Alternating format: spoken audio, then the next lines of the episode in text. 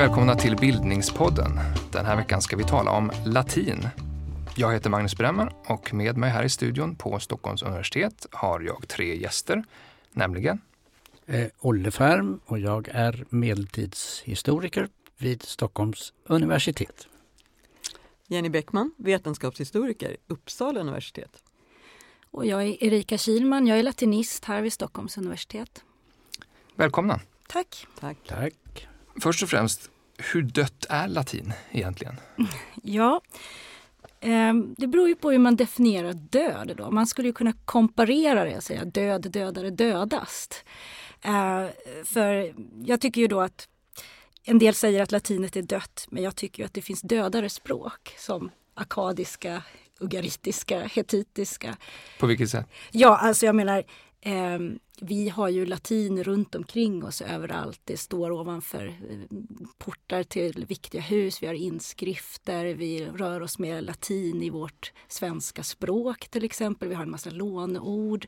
Eh, vi undervisar i latin. Det finns fortfarande folk som kan latin över hela världen. Ehm, det är officiellt språk för den heliga stolen. Ehm, det vill säga påven. Vatikanen. Ja, mm. precis. precis, precis. Eh, och det eh, används ju aktivt i en mängd olika yrken. Och det, det verkar också vara ett språk som bär på ett stort symbolvärde. Det är viktigt för oss. Vi som arbetar med latin vid universiteten vi får ju varje vecka förfrågningar från folk som till exempel ska förlova sig, vill skriva något evigt, eh, något bestående i ringen eller för den delen tatuera in någonting som betyder mycket för dem. På. Så att på det sättet så, så är inte latinet alls dött skulle jag vilja säga utan i högsta grad levande och betydelsefullt. Olle? Ja, och det blir levande när man tillägnar sig latin. Hur menar du? Ja, man lär sig latin eller när man studerar gamla texter och sådär. Då, då blir latinet i allra högsta grad levande. Och slår man upp en flora så ser man ju en massa latin förmodligen. Eh, där finns vetenskapliga namn på växter som för det allra mesta har en latinsk struktur även om de ibland kom, själva orden ibland kommer från andra ställen. Så är latinet väldigt viktigt som ett vetenskapligt språk. Hur levande är det där idag? Ja, eh, både levande och kanske i vissa avseenden lite mindre levande än det var alldeles nyss. Fram till eh, 2012 så var alla eh, botanister som beskrev nya arter tvungna att göra den här artbeskrivningen enligt den internationella lagen om botanisk namngivning, botanisk nomenklatur. De var tvungna att göra detta på latin men från 2012 så har det här latinobligatoriet avskaffats. Det betyder förstås inte att de inte får göra det om de vill men alla är inte tvungna att göra det på samma sätt som de har varit. Så inte bara namnet på arten utan beskrivningen av arten? Precis, namn och beskrivning. Erika, om du hjälper oss att ta det här mm. från början. Var mm. kommer språket ifrån? Det kommer ju då eh, Eh, såklart, höll jag på att säga, från, från Rom. Eh, den här stan som ligger på den italiska halvön, i Latium eh, som regionen heter. Och det var ju från början ett språk bland många, många andra som pratades på den här halvön. Ett, ett språk för en liten stam helt enkelt av italiskt folk som bodde kring, kring Rom. Eh, och eh, vi vet ju inte riktigt exakt hur många språk som talades där men runt kanske ett 50-tal språk runt Medelhavet och latin var ett av dem. Och sen så växer ju det här fram då i och med Roms expansion. Vad talar vi för tid då ungefär? Ja, alltså traditionellt sett så brukar man ju datera Roms grundläggning då till 753 f.Kr. och det är ju det årtalet som romarna själva då räknar sin historia från. Så allting räknas utifrån 753 f.Kr. Och när, när är det latinska talade språket som störst? Ja, då får man väl nästan gå till när eh, det romerska imperiet är som störst. Och då är vi ju inne i hundratalet efter Kristus. Eh, det är ju Trajanus, under Trajanus 117 ungefär efter Kristus så är ju det romerska imperiet, då, har ju, då når det ju sin största omfattning så att säga. Och då, hur varierat i språket? Finns det dialekter? Liksom? Eh, kan man säga något om det? Ja, alltså det måste ju ha funnits dialekter, språk fungerar ju så. Men eh, vi har ju väldigt svårt idag att liksom veta någonting om det. Eh, och det beror ju helt enkelt på källorna vi har att tillgå. Ehm, för vad finns det kvar? Vi, de kunde ju inte spela in poddar så att vi kan ju inte höra hur de lät. Ehm, men eh, vi, vi har, så vi har inskrifter. Vi har eh, lite vaxtavlor, vi har liksom lite ehm, inskrifter från olika träbitar och annat som, som på olika sätt då visar vad, mm, vad ska man säga, hur, hur, hur, man kommunicerade mera vardagligt så att säga. Annars har vi ju, det vi har kvar är ju litterära källor, alltså litteratur, skönlitteratur, historieverk och det är ju ett konstspråk. Så när du frågar om dialekter så det blir ju väldigt svårt att svara på. Um, Gör man någon skillnad på tal och skriftspråk inom forskningen sådär, av latin alltså? Ja, oh ja, oh ja, oh ja, det gör man ju. Um, därför att eh, vad ska man säga, forska i talat latin är ju svårt. Vi har, vi har inget talat latin kvar. Vi har vad vi kan... Vi har källor som vi tror representerar någon form av talat latin. Men i och med att det är förmedlat i skrift är det alltid processat genom skriften. Um, så att på det sättet blir det väldigt svårt. Men, men det forskas ju mycket om det därför att det är ju en viktig, det är en viktig länk i eh, språkets utveckling från latin till vad vi säger idag är romanska språk, nämligen franska, italienska, spanska, portugisiska och så vidare. Som ju är latinets dotterspråk då. Mm. Hur är det med de antika skådespelen? Mm. Då är det talat latin, i varje fall på scenen. det är talat latin som är nedtecknat i ett manus. Men ja, det, det här är ju de källorna vi använder för att komma till det, det talade latinet. Eh, tillsammans med de här små inskrifterna, gravinskrifter till exempel, eller de här eh, träplattorna eller så, så har vi ju då Plautus komedier som har varit mycket beforskat just utifrån forskare som är intresserade av talat latin. Och där har vi ju eh, dialoger helt enkelt. Och de är ju, har man, har man läst dem på latin och försöka, försökt sig på att översätta dem så inser man att där är, har latinet dött så att säga. Därför att vi har väldigt svårt att översätta det eh, det de skådespelarna ska säga i de här dialogerna. För det är alltså latinska idiom som vi inte känner till längre idag. Så att vi förstår de latinska orden men vi kanske inte alltid förstår vad de, hur, hur vi ska tolka dem. Alltså vad, exakt vad det motsvarar för oss idag. Var kommer själva ordet latin ifrån? Det, det, det, kommer alltså från namnet på regionen där Rom ligger, Latium. Mm. Mm, precis. Och det i sig betyder eh, det flacka landskapet, latos, att det är liksom flackt landskap. Och sen är det ett suffix då, inos, för att beteckna någonting som hör till Latium. Mm. Olle, du, du har forskat en del kring humor under medeltiden och då alltså på latin. Mm, ja. Kunde man skämta på latin? Ja, man kan skämta på alla språk tror jag. ja, de skämtade ganska mycket. Alltså. Vi, vad vi har kvar är ju huvudsak eh, skämt som eh, klärker, alltså kyrkans folk, eh, ägnade sig åt. Och eh, där tog man ofta ut svängarna, alltså de var inte blygsamma. kan du ge ett exempel? Ja, alltså de skojar ju med trosbekännelsen och sådana där saker. Va? Därför att ordvitsar, i och med att det var så mycket man lärde sig utan till så fanns ju fraserna i huvudet på ett väldigt naturligt sätt. Alltså mea culpa, mea maxima culpa. Min synd, min alltför stora synd. Det gjorde man om till mea kropa, mea maxima kropa. Alltså min bak, min alltför stora bak. och sådär. Och Eh, Rom var känt för att vara girigt. Eh, alltså Romkurian och, och påven och hans, hans administratörer där. Och eh, det var ju ofta kardinaler. Och det heter på latin cardinales. Och då gjorde man om beteckningen på dem och kallade dem för carpidinares utav carpere som betyder plocka. Så de plockade folk på pengar. Så, ja. så där kunde man hålla på. Ungefär som idag faktiskt. Mm. Men apropå det, det talspråkliga kontra det skrivna då, finns det någon slags talspråklighet i den här eh, humorkulturen? Ja, det finns ju medeltida skådespel också. Så att, eh, men jag har inte närmare tittat på dem. Jag kan inte bedöma i vad mån eh, eh hur mycket talspråkselement det finns i de medeltida skådespelen. Det är ju mysteriespel och, och, mm.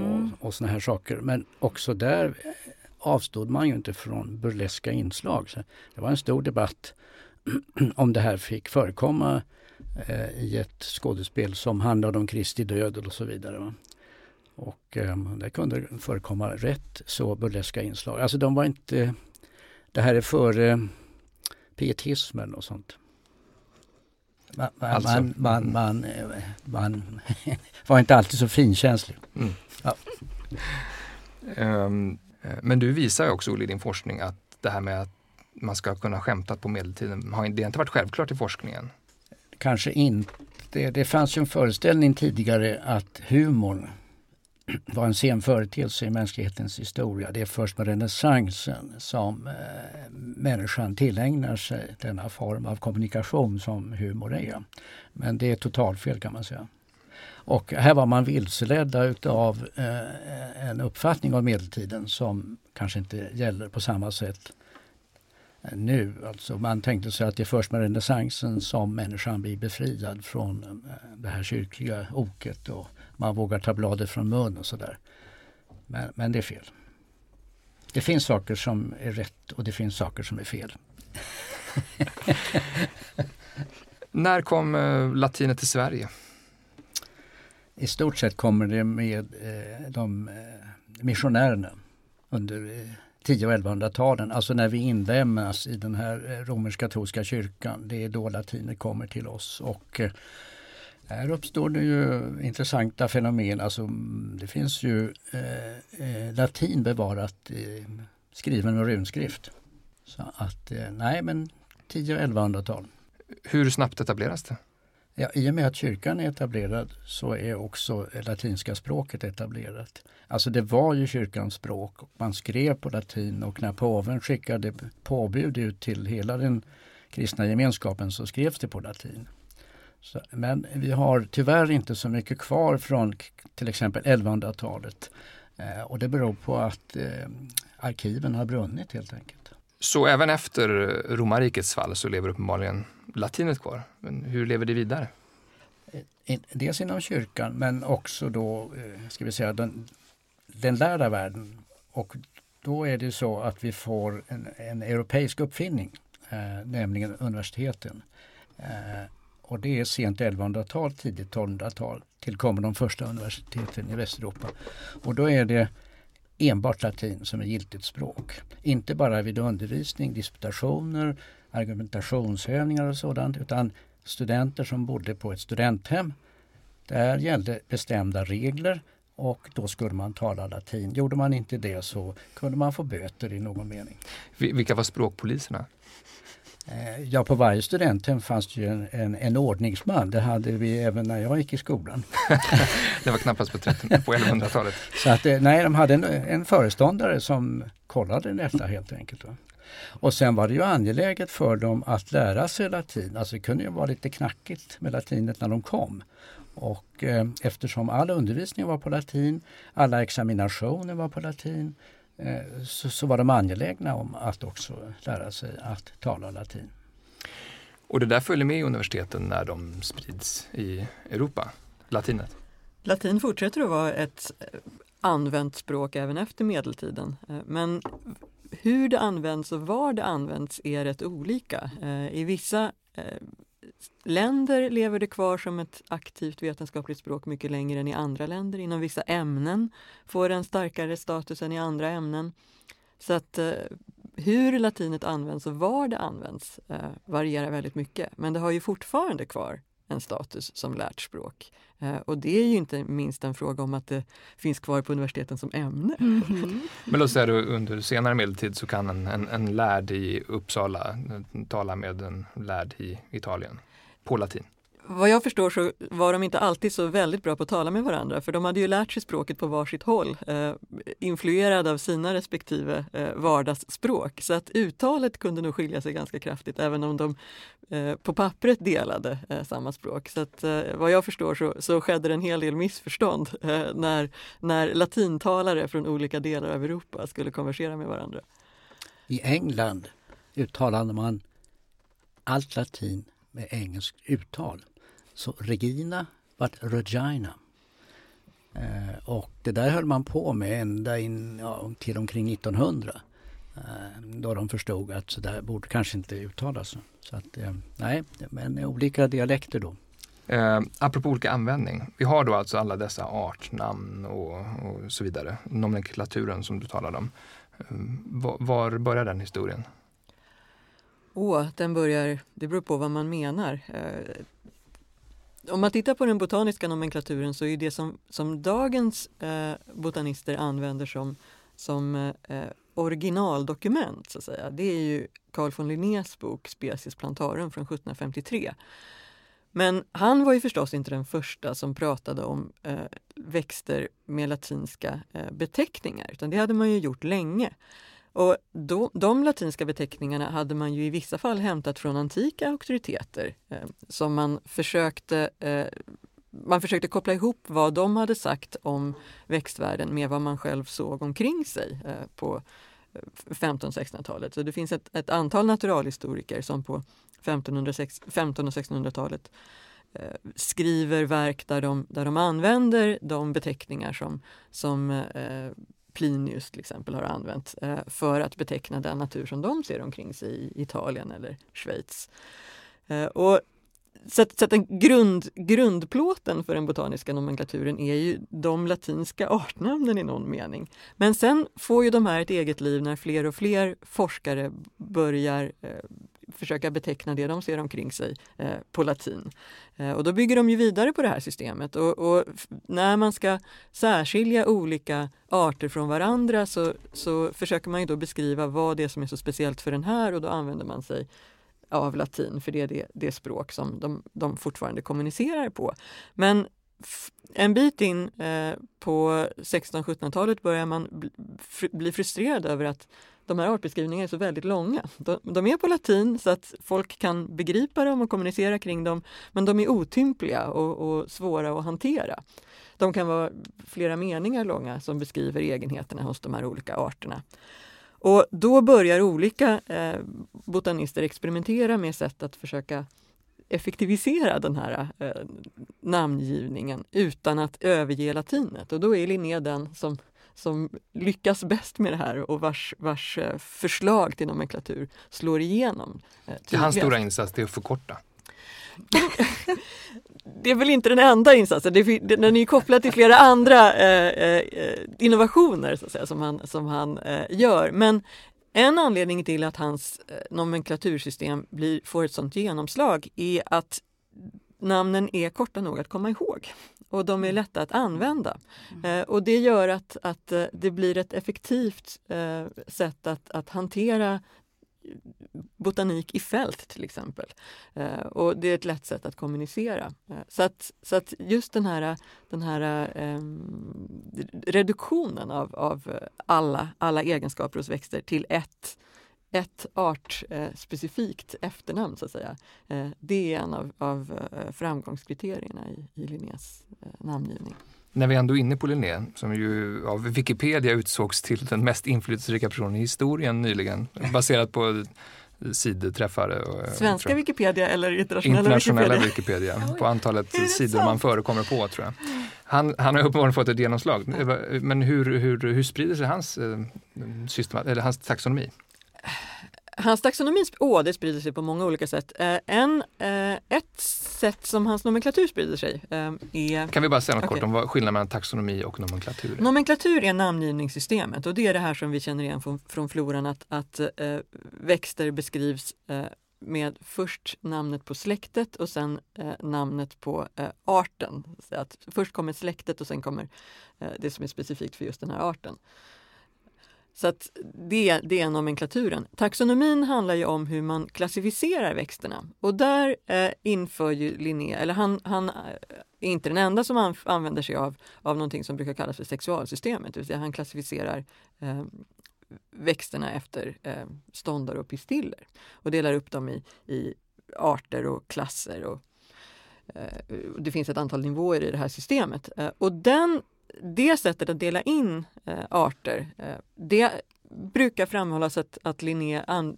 använder det, inte för att han nödvändigtvis trodde att det här reflekterade någon evig ordning i naturen, utan för att det också var praktiskt att använda. Om man stöter på någonting som man aldrig har sett förut så kan man åtminstone räkna ståndare och pistiller och då vet man var det hör hemma i systemet, även om det här är någonting som är okänt. Eh, så att återigen, eh, sexualsystemet var ett, var ett användbart eh, verktyg i ett sammanhang där det fanns fler och fler botanister som kommunicerade med varandra. Men eh, i och med att, att, den internationella handeln utvecklades eh, så dök det upp fler och fler naturföremål som de europeiska eh, forskarna aldrig hade sett förut och som de då skulle försöka få grepp om på olika sätt. Så då var det ju bra att ha, ha verktyg till sin hjälp, namngivning och taxonomi, som var enkla att använda även på saker som man aldrig hade sett förut. Men sexualsystemet, det är ju inte det som används av dagens botanister, eh, utan det, det har tappat sin status. Men nomenklaturen, eh, den utgår fortfarande från speciesplantören. En anledning till att nomenklaturen slog igenom har i England till exempel, eh, där, där det fanns andra konkurrenter, det fanns engelska forskare som hade egna system och egna för både namngivning och taxonomi som, som man länge, länge höll fast vid. Men Linnés eh, namngivning slog igenom framförallt i trädgårdsnäringen. Därför att det var praktiskt och det, man kunde använda det i växtkataloger. Eh, och, och, så det var, mm. det var i, i praktiken som Linné eh, slog igenom i England i alla fall snarare än, än i första hand i, eh, hos forskarna. Mm. När börjar latinet tappa i status som internationellt språk? Här, här eh, eh, hittar vi eh, något som brukar kallas för eh, historiens ironi. Alltså under renässansen, sent sent 1400-tal och i början på 1500-talet så tyckte man att det latin som då hade utvecklats under tusen år och som hade fått en rad användningsområden det liknade inte det antika latinet. Och det antika latinet det var det som hade status under renässansen. Så att då ville man återknyta till det antika latinet och göra sig av med det brukslatin som fanns. Och i och med det så dödar man också eh, det latin som hela tiden hade utvecklats. Så i och för sig kan man säga att eh, det är latinisterna i den här meningen som undergräver latinets ställning på sikt. Det hade kunnat fortsätta att utvecklas och blivit ett lingua franca, ett allmänt språk med en lätt förändrad eller förenklad syntax. Och då hade det också varit... Alltså ett internationellt ett språk? internationellt språk, i varje fall i Europa.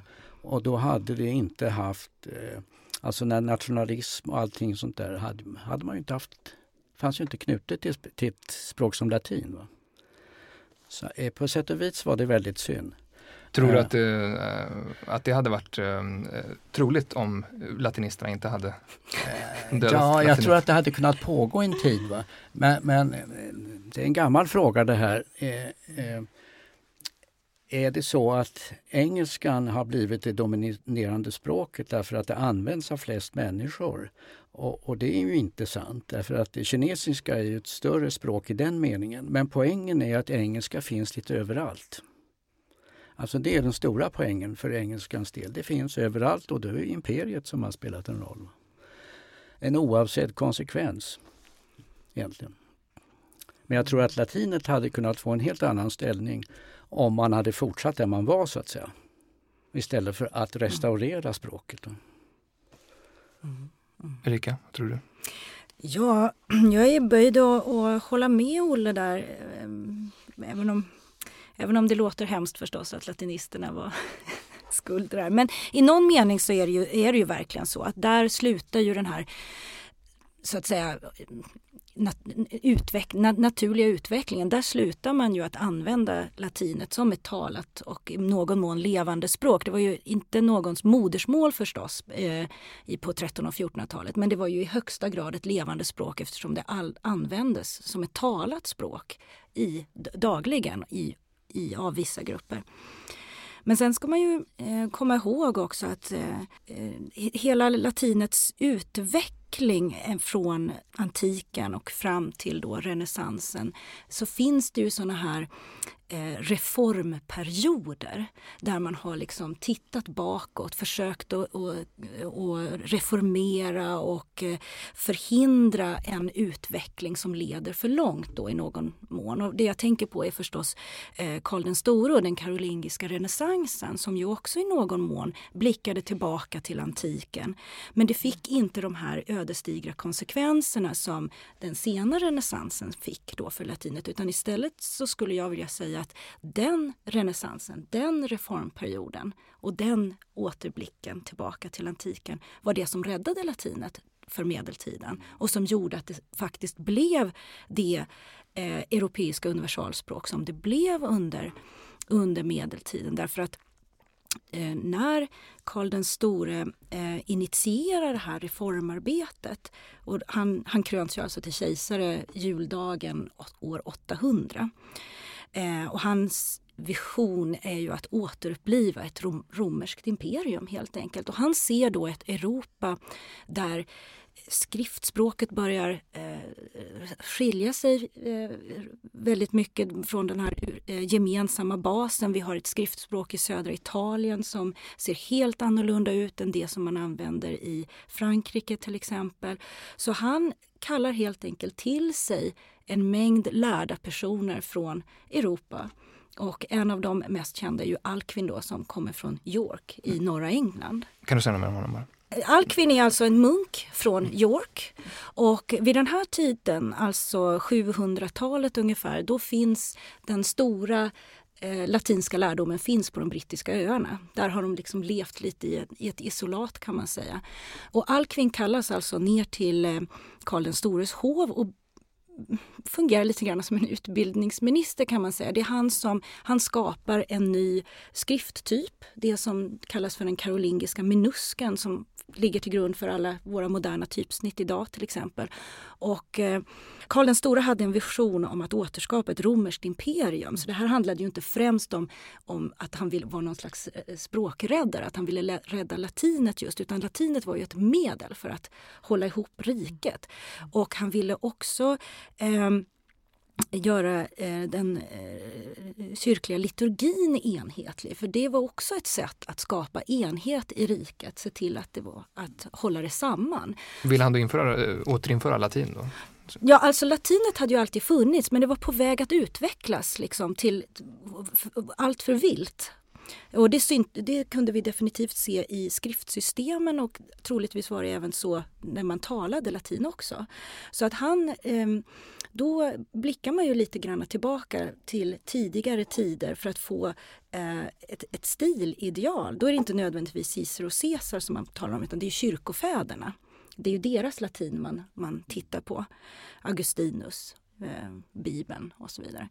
Eh, och man skapar då en, eh, man kan säga en läroplan det här ska man undervisa på. Man skapar ett skriftsystem. Man rensar i liturgin så att den ska vara enhetlig över hela riket och sen skickar man ut då de här signalerna till resten av riket. Det sker ju inte över en natt förstås, eh, eh, utan det här tar ju några hundra år. Men Vad fick det för konsekvenser? Det fick till konsekvenser att vi får igen ett enhetligt skriftspråk i Europa som gör att, liksom de här, eh, att vi kan läsa texterna. Nu börjar det en intensiv kopieringsverksamhet i de, i de eh, europeiska klostrens skriptorier. Och de flesta, eh, alltså de, de här romerska, de, de antika latinska texterna som vi känner till idag, de kommer från eh, handskrifter från karolingisk renässans. Vi har alltså inte handskrifter som är äldre än så. Det gäller de flesta. Det, det, finns en och annan handskrift som är äldre men de flesta latinska texter som vi känner från antiken finns i handskrifter från 800-tal och senare. Det intressanta är väl att Alcuin kom från England. Det är mycket intressant. Och där hade, det ingick inte i Karl den stores rike. Nej.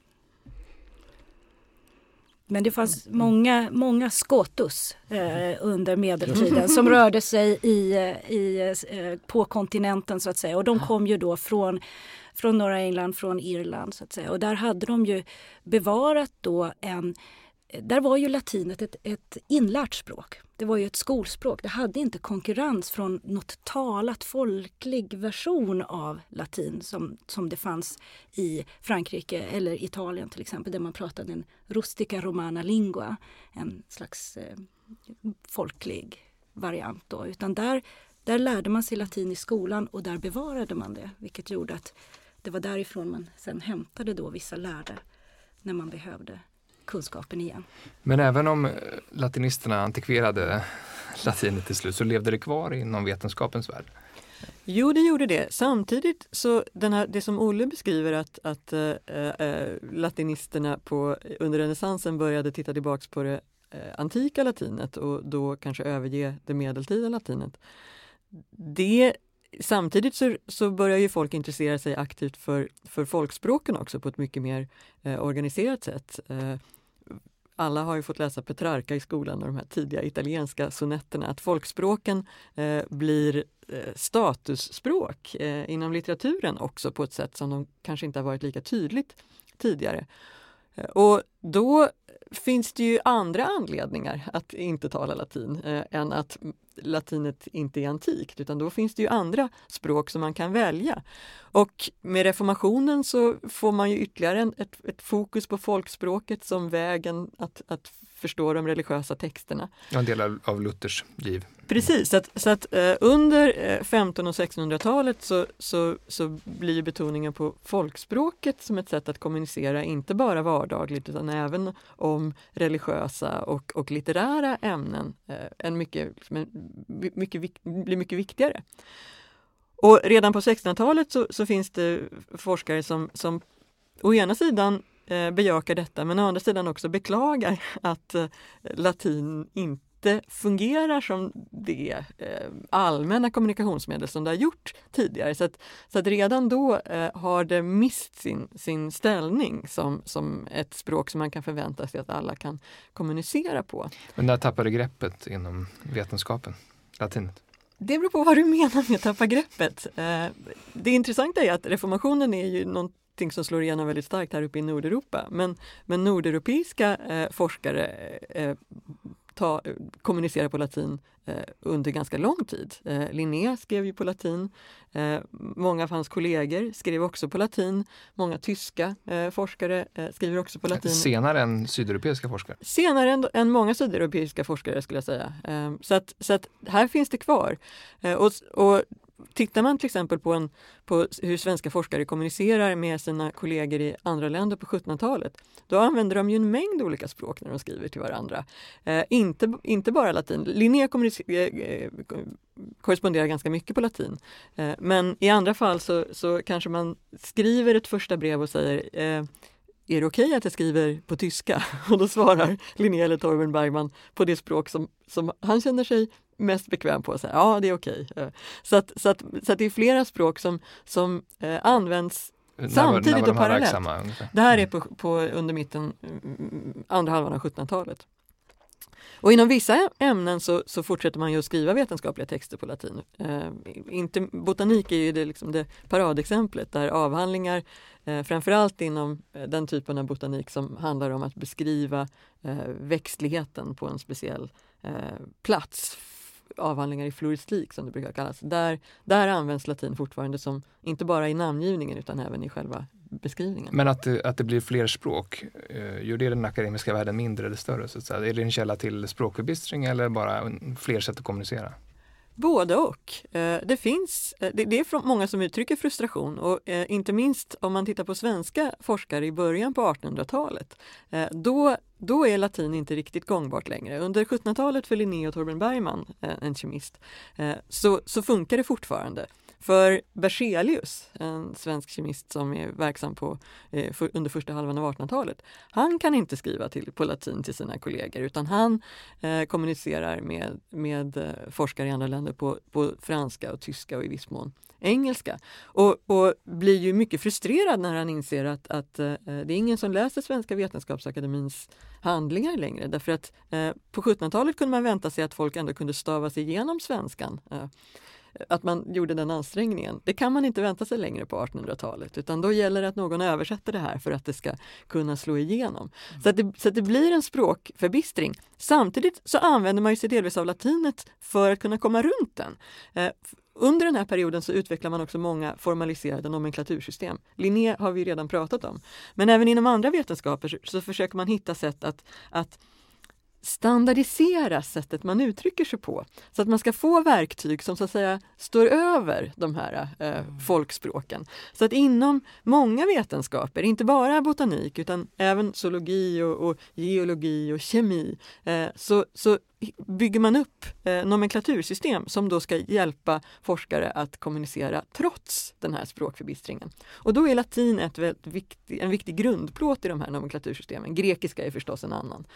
Ehm, så att där utvecklas ett, ett, ett vetenskapligt latin som naturligtvis har med sig väldigt mycket av de här, den här historien av att man har kommunicerat på latin.